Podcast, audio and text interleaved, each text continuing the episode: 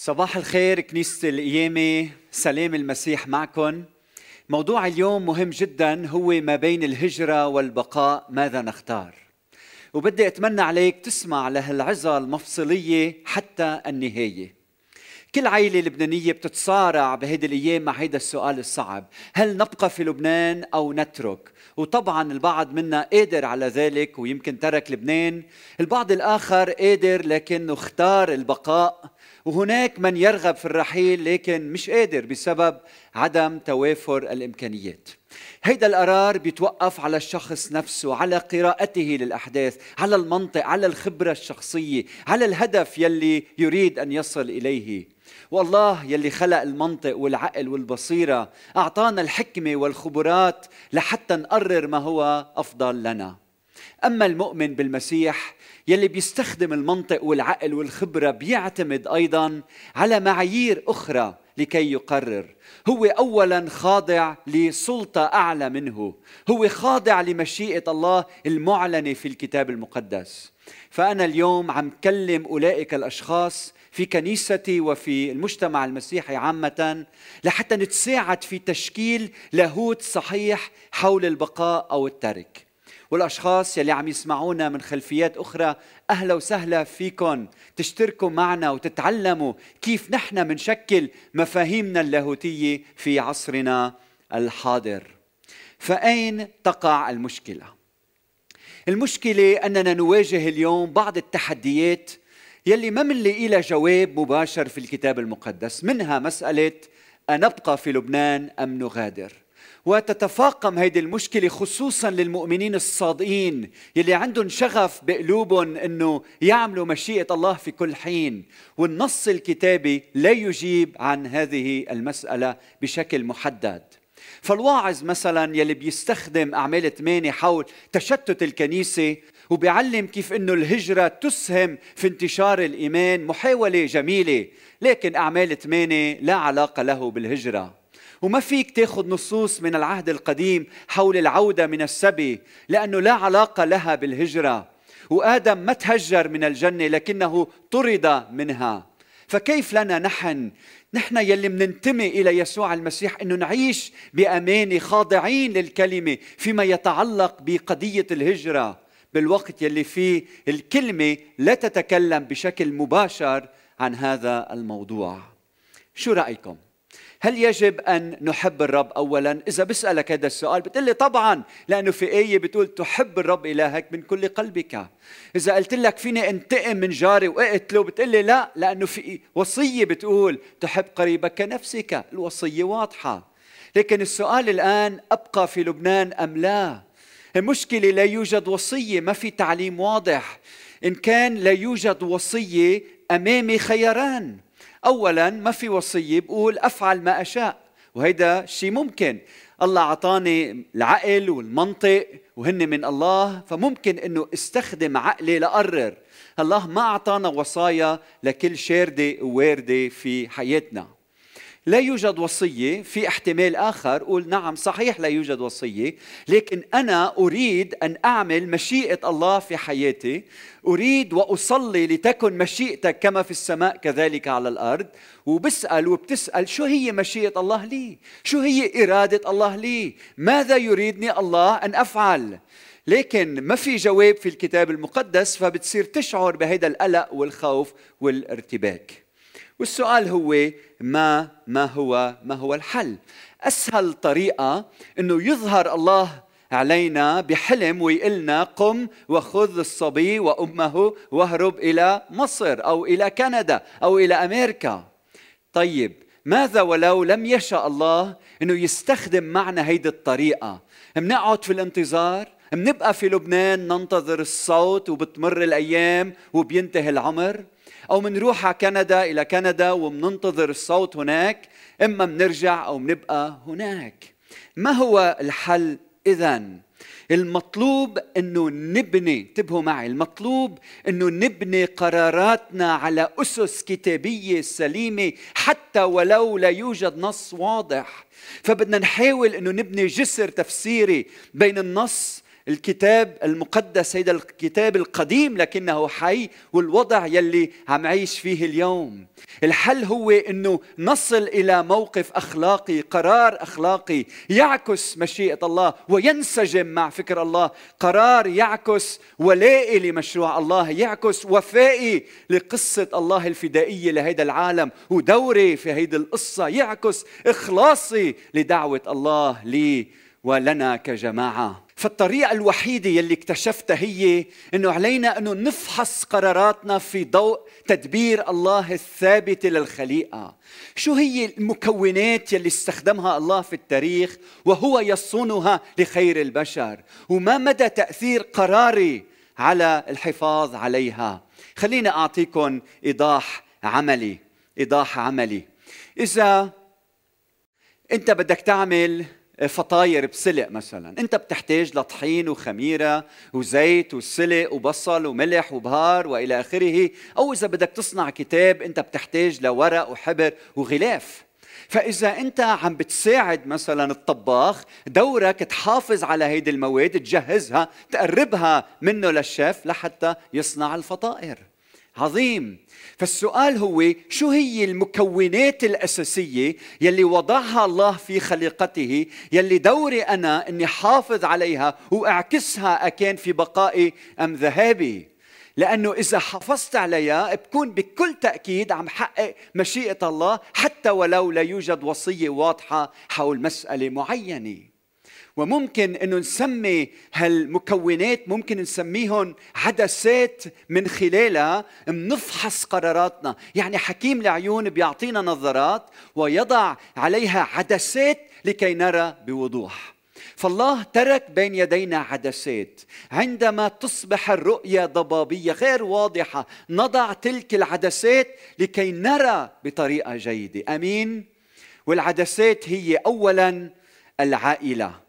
وثانيا جماعة المؤمنين وثالثا الصليب ورابعا الحياة الجديدة في المسيح. وقبل ما أحكي بالتفصيل عن كل عدسة خليني اعطيكم هالملاحظتين يلي ضروري ننتبه إليهما. الملاحظة الأولى نحن أخوتي ما عنا كما في بعض الأديان الأخرى ما يسمى بلاهوت الأرض.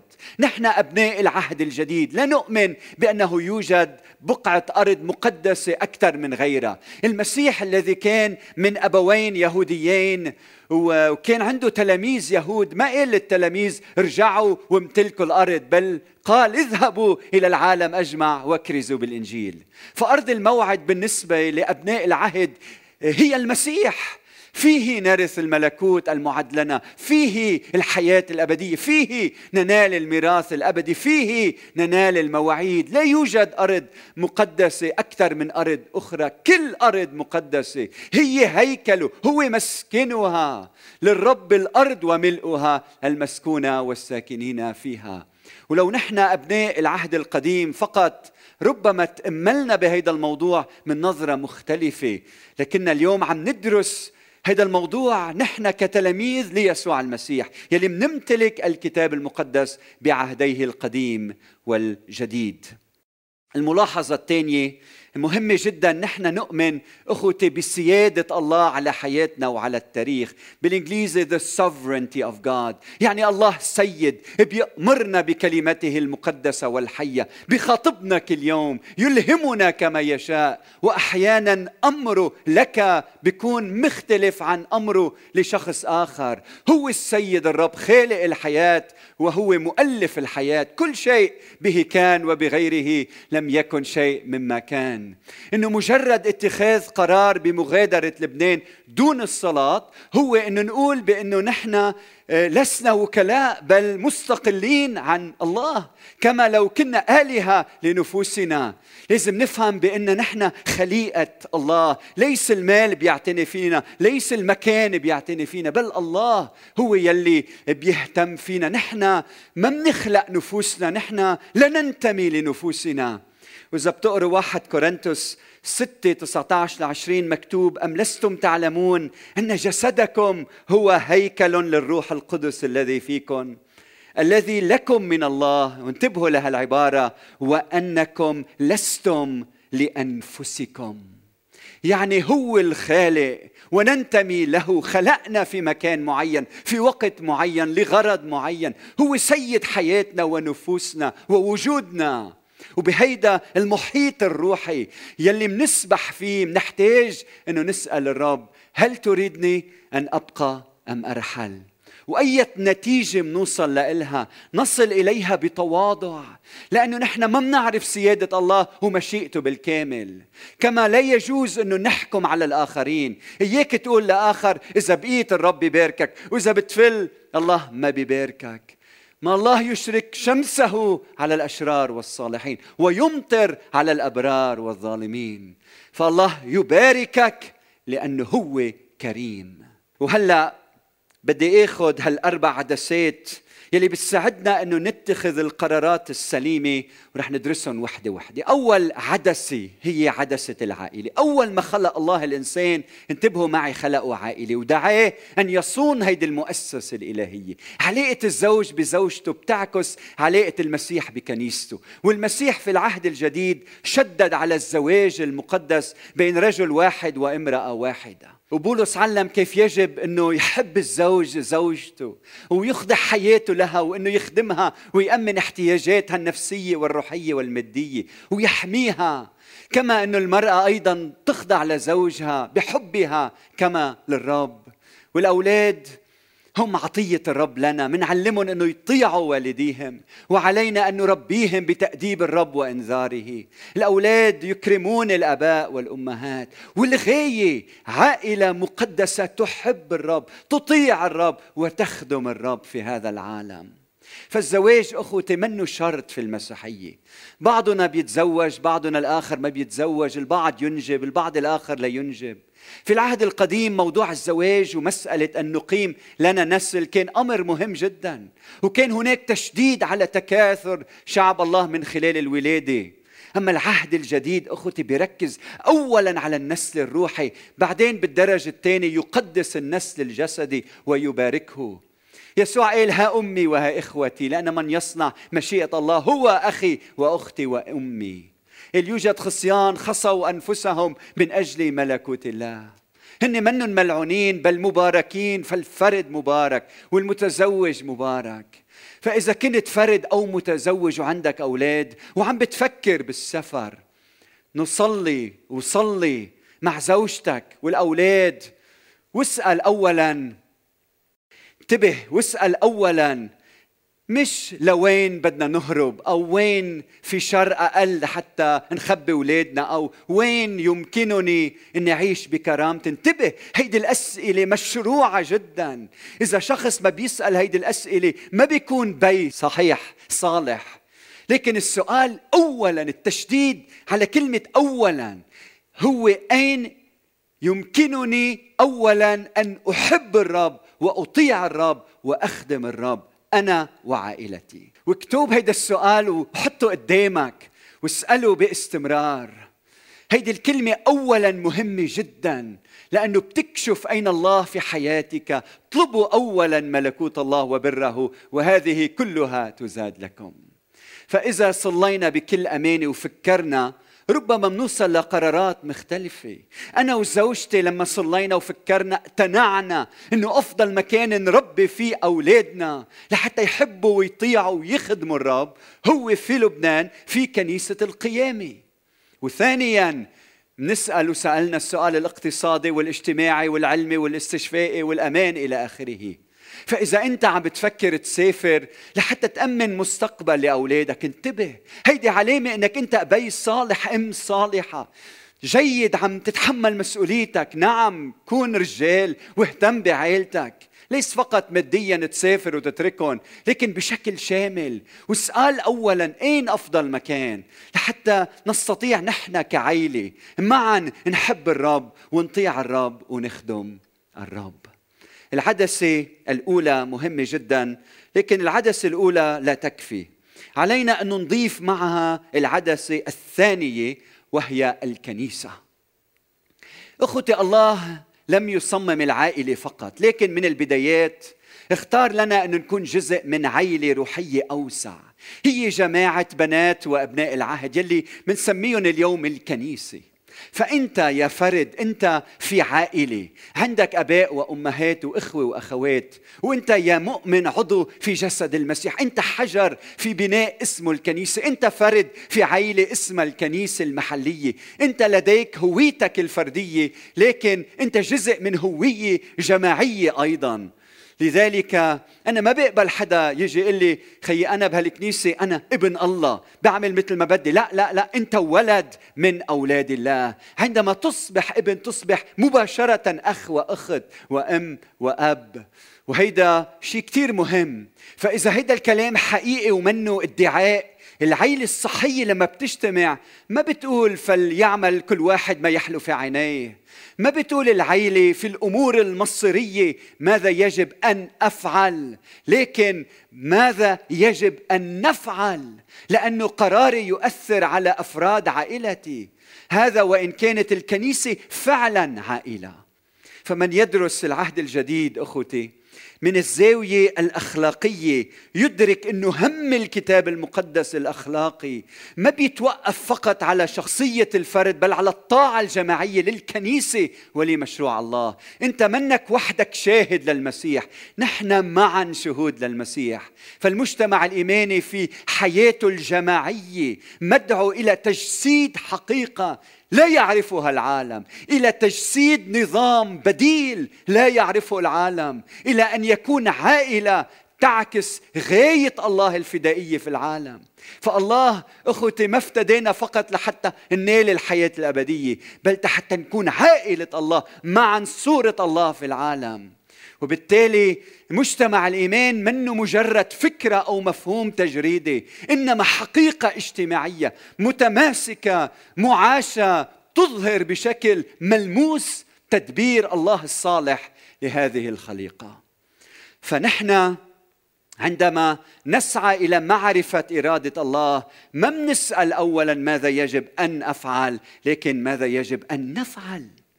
وبعدين ماذا يجب أن أفعل ضمن إطار الجماعة المقدسة يلي بتعيش حياة هادفة؟ هيك كانت الكنيسة الأولى. وهيدا ما بيلغي حرية الفرد لكنه بيجعلني أعي أهمية الآخر في حياتي وتأثير موقفي على الجماعة التي أنتمي إليها وبيعكس انتمائي الحقيقي لهالجماعة يلي أنا جزء منها. وانتبه لهيدي العبارة المهمة جداً. فهويتنا الجماعية تتضمنك أنت وغيابك بكل تأكيد بغير من لون هيدي الهوية. فكما أنا بقول دائما إنه كل ما الله يجيب شخص على كنيستنا الله بيكون عم بيكلمنا من خلاله والمواهب اللي اعطاياهم لحتى نمشي بهالكنيسة في اتجاه معين. ونفس الشيء تركك للكنيسة يعني أيضا أنه الله يريد أنه يخدنا باتجاه معين. فما بيحق لنا أن نذهب دون معرفة مشيئة الله أولا. يعني علينا أن نرى أيضا يد الله في الترك. للبنان مثل ما منشوف يد الله في انضمامك إلى جسد المسيح وإلا نبقى معا. فيلي بيرغب في أن يترك خذ هيدا الاقتراح فكرة الترك بدك تسافر وشاركوا مع الناضجين بالكنيسة مع عائلتك الروحية مع مجموعة ما بدهم يستعبدوك لكن بدهم يساعدوك إنك تعيش ضمن المشيئة الإلهية. وهيك ما بيوقع عبء القرار وعواقب هيدا القرار عليك وحدك بل بيكون قرار جماعي. وتذكروا شو قال الرب يسوع المسيح؟ ما تحلونه على الأرض يكون محلولا في السماء. والعدسة الثالثة يلي يجب إنك تضيفها هي عدسة الصليب. كيف منعرف أخوتي مشيئة الله في الكتاب المقدس؟ منعرف اولا لأنه في وصايا لا تقتل لا تسرق لا تشهد بالزور. اثنين في مبادئ عامة مثل المحبة العدالة الكرم. وثلاثة في نماذج نتمثل بها أو بناخذ منها عبر لحياتنا. فكر بحنانية وسفيرة بأعمال خمسة. كيف إنه سلبوا مال الله بنتعلم إنه نحن ما نعمل هيك. فكر بمريم يلي سكبت الطيب عند قدمي يسوع بنتعلم منها الولاء والكرم. فكر بالسامرية يلي راحت تقول لكل أهل بيتها عن يسوع. ويسوع نفسه أيضا هو نموذج نتمثل به. فموت يسوع يعني الصليب بالنسبة لنا هو أداة الله لخلاصنا لكن هو أيضا نموذج نتمثل به. بيقول بولس مع المسيح صلبت فأحيا لا أنا بل المسيح يحيا فيا. لأعرفه وقوة قيامته وشركة ألامه متشبها بموته. من أراد أن يتبعني بيقول يسوع أن يأتي ورائي فلينكر نفسه ويحمل صليبه ويتبعني. فعلينا أن نكون مستعدين أن نتألم نتيجة إيماننا بالمسيح. نعم صحيح أنا مش مضطر إني أتألم بسبب فساد القاضي لكن أنا مستعد إني أتألم كشاهد للمسيح. فنحن ما بنهرب من الاشتراك بآلام المسيح ولكن بنستعمل الحكمة في قراراتنا لكي نجنب أولادنا العنف والألم الناجم عن شر الظالمين. فالبعد العمودي أي الاشتراك في آلام المسيح هيدا أساسي لكن هناك أيضا البعد الأفقي للصليب يلي هو مهم جدا مهم جدا. شو المقصود بهالكلمات؟ المقصود إنه أنا كمؤمن مدعو إنه أتشبه بالمسيح وعيش التجسد يلي لا يخلو من الألم وإنكار الذات والحرمان من أمور كثيرة أحيانا من أجل الآخرين أي المظلومين. فأنا مدعو إنه أفرح مع الفرحين وأبكي مع الباكين وهنا عندي ملاحظة مهمة أرجوكم انتبهوا لها أخوتي. العهد الجديد بيشدد على أنه المجتمع الإيماني ككل مدعو لاتباع درب المسيح. فلا يجوز أن ينكب الصليب انتبه معي لا يجوز أن ينكب الصليب على الضعفاء فقط. بالوقت يلي فيه أصحاب السلطة بيتركوا البلاد من أجل حياة أفضل. المجتمع ككل مدعو لاتباع طريق معاناة يسوع. فالتضحية مطلوبة أولا من الذين يمتلكون القوة والامتيازات من أجل الضعفاء. قري مرقس 10 42 ل 45 قري رومي 15 بقول بولس فيجب علينا نحن الأقوياء أن نحتمل أضعاف الضعفاء ولا نسعى إلى ما يطيب لأنفسنا. فيلي بيرغب في ترك لبنان لازم يسأل كيف كيف عم أحمل حمل الضعفاء بسفري. الجواب للبعض سيكون أبقى لأتحد بالمتألمين ولآخر ربما أترك ولا أنسى بلدي بل أجد الطرق لحتى أساعد من خلال العطاء والصلاة وبناء شراكات وإنه أفضح الظلم الموجود وشارك ما يجري مع أشخاص مؤثرين في العالم أو إني أقوم بتحفيز اللبنانيين في الخارج على الاستثمار في بلادهم وخلق فرص عمل للضعفاء. وهيك إن تركنا أو بقينا بيكون همنا إنه نحمل نحن الأقوياء ضعف الضعفاء من خلال التضحية ومن خلال مراكزنا ومواهبنا ومواقعنا. انتبه أرجوك. إذا بقيت بلبنان وانعزلت وما حملت ضعف الضعفاء وجودك بلا طعمة. وإذا رحت ونسيت شعبك وألم الناس ذهابك بلا طعمة. فاين اينما كنت؟ كن اينما كنت حاملا نير الضعفاء. وهيك بتكون عم بتعيش إيمانك كما يجب. العدسة الرابعة هي الحياة الجديدة. أي يجب أن ننظر للأمور أخوتي من خلال عدسة الحياة الجديدة في المسيح. صحيح أنت بتعيش في هذا العالم لكنك بتنتمي لعالم جديد لملكوت سماوي حل بيننا. أنت خليقة جديدة. بولس لما كان عم يتكلم مع الكنيسة بيقول عنا بسميها قال نحن الذين انتهت إلينا أواخر الدهور. يعني نحن الذين بلغوا منتهى الأزمنة. يعني نحن كأنه عايشين السماء على الأرض. يعني نحن ولو جزئيا عم نعيش واقع السماء الآن على الأرض. بأفسس واحد بنتعلم أنه الله جمع كل شيء في المسيح ما على الأرض ما في السماوات وما على الأرض. يعني في المسيح تعانقت السماء مع الأرض. من أجل ذلك لما كتبت ترنيمة من رنمها بالكنيسة قلت السماء والأرض تلاقتا بيسوع الكل تعانقا كيف هالحقيقة هيدي؟ المهم كثير بحياتنا السؤال كيف بتساعدنا إنه ناخذ القرار الصحيح إما نذهب أم نبقى في بلادنا. اولا هيدي العدسة انتبه معي. بتساعدنا نعرف الدور المهم يلي منلعبه في هذا العالم. نحن عندما نعيش معا الحياة الجديدة على الأرض نحن عم نفتح نافذة للعالم من حولنا ليروا ولو بشكل جزئي ما ينتظر الخليقة في المستقبل. فنحن شهود لحقيقة عظيمة تنتظر الكون. فحياتنا شهادة ورجاء لهذا العالم. وكم تكون هيدي الشهادة جذابة للذين يتألمون بسبب الفساد فساد القاضي والمسؤولين. ثانيا عدسة الحياة الجديدة في المسيح. بتجعلني إني أعيش بسلام دون الاعتماد اولا على الحاجات اليومية مثل الكهرباء والبنزين وغيرها. وبتجعلني أحتمل وضحي من أجل الآخرين وأشترك في العطاء السخي وجسد واقع بيختلف عن الواقع الموجود في هيدا العالم. وأكشف للعالم بطريقة مباشرة أو غير مباشرة عن إمكانيات بديلة للعيش منها التقشف لأتمكن من مساعدة الآخرين أو الصوم يعني أنه اكسر للجائع خبزي أني أدخل المساكين إلى بيتي أني اكسي العريان و... وألتفت نحو المحتاج وسد له حاجته.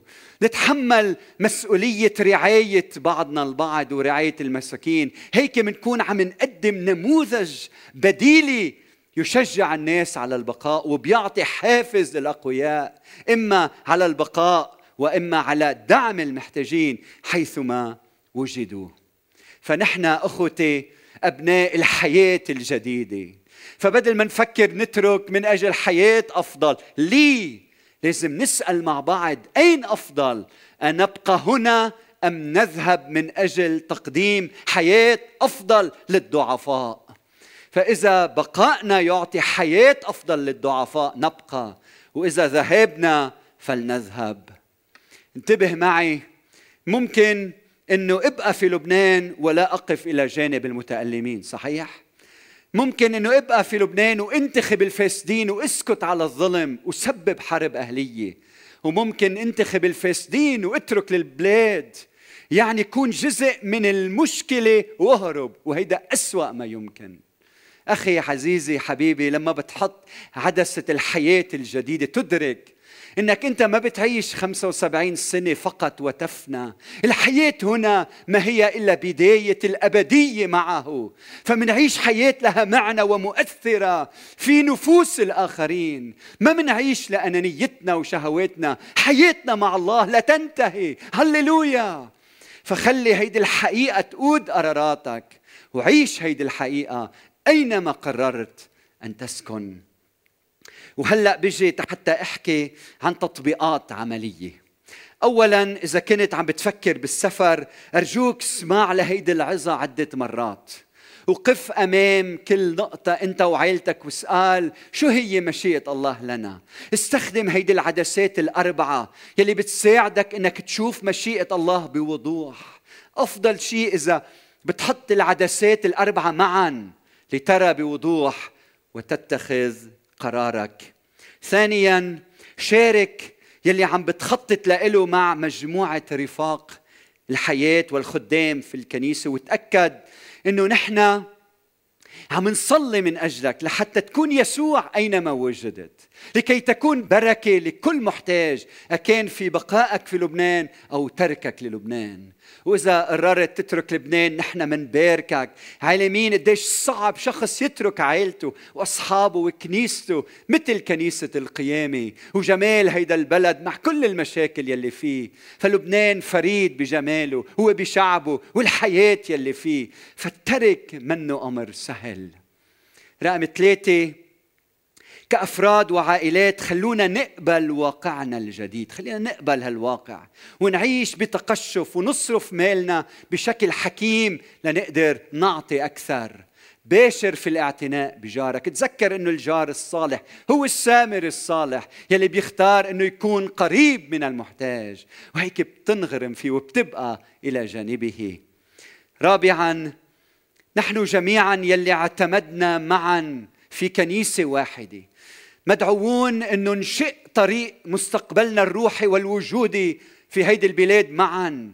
فقرارك يؤثر على الجماعة مثل ما الجماعة تؤثر على الفرد.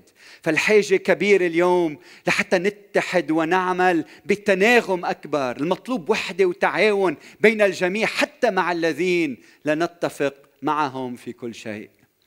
وخامسا إذا في أصحاب مؤسسات عم يسمعونا بتمنى عليكم يا قادة المؤسسات المسيحية أو رعاة كنائس خارج لبنان أو مؤمنين بتعيشوا خارج بلادنا. أرجوكم اهتموا بالكنيسة المحلية مباشرة وادعموها. ادعام الكنيسة اللي بتنتمي لها شو ما كانت طائفتها الشركات والمؤسسات والمعامل والمطاعم بتروح وبتجي. أما الكنيسة رجاء العالم هي باقية. يسوع قال أنا أبني كنيستي وأبواب الجحيم لن تقوى عليها. هي ما عندها اولا الكنيسة أجندة مشروع بدها تحقق وبعدين بتفل. الكنيسة موجودة عندها شعب مستعدة إنها تموت من أجله. هيدي الكنيسة. وسادسا وأخيرا الله هو سيد التاريخ. انتبه معي ورب الكنيسة. ولا انت ولا أنا هو وحده السيد الرب المطلق. وأنتم بتعرفوا انه بكنيستنا أنا الراعي الثالث على كنيسة القيامة. الراعي الأول القس خليل إبراهيم راعي هيدي الكنيسة لسنة 1975 وبعدين مع بداية الحرب الأهلية ترك لبنان وفل. والرب أقام خادم آخر مكانه. هو الراعي الثاني القس غسان خلف. لكن هو ما ترك لبنان وخدم الكنيسة حتى عام 2008 وبعدين كمان الرب أقام راعي ثالث. فانتبه معي فينا وبلينا رحنا أو بقينا الرب يرعى كنيسته. هو يقيم من يشاء ويبارك من يشاء. فخلينا نعيش اليوم بحسب هيدي التوصيات يلي قدمت لكم إياها. وصلاتي إنه السلام الرب يسوع المسيح يكون مع جميعكم. آمين.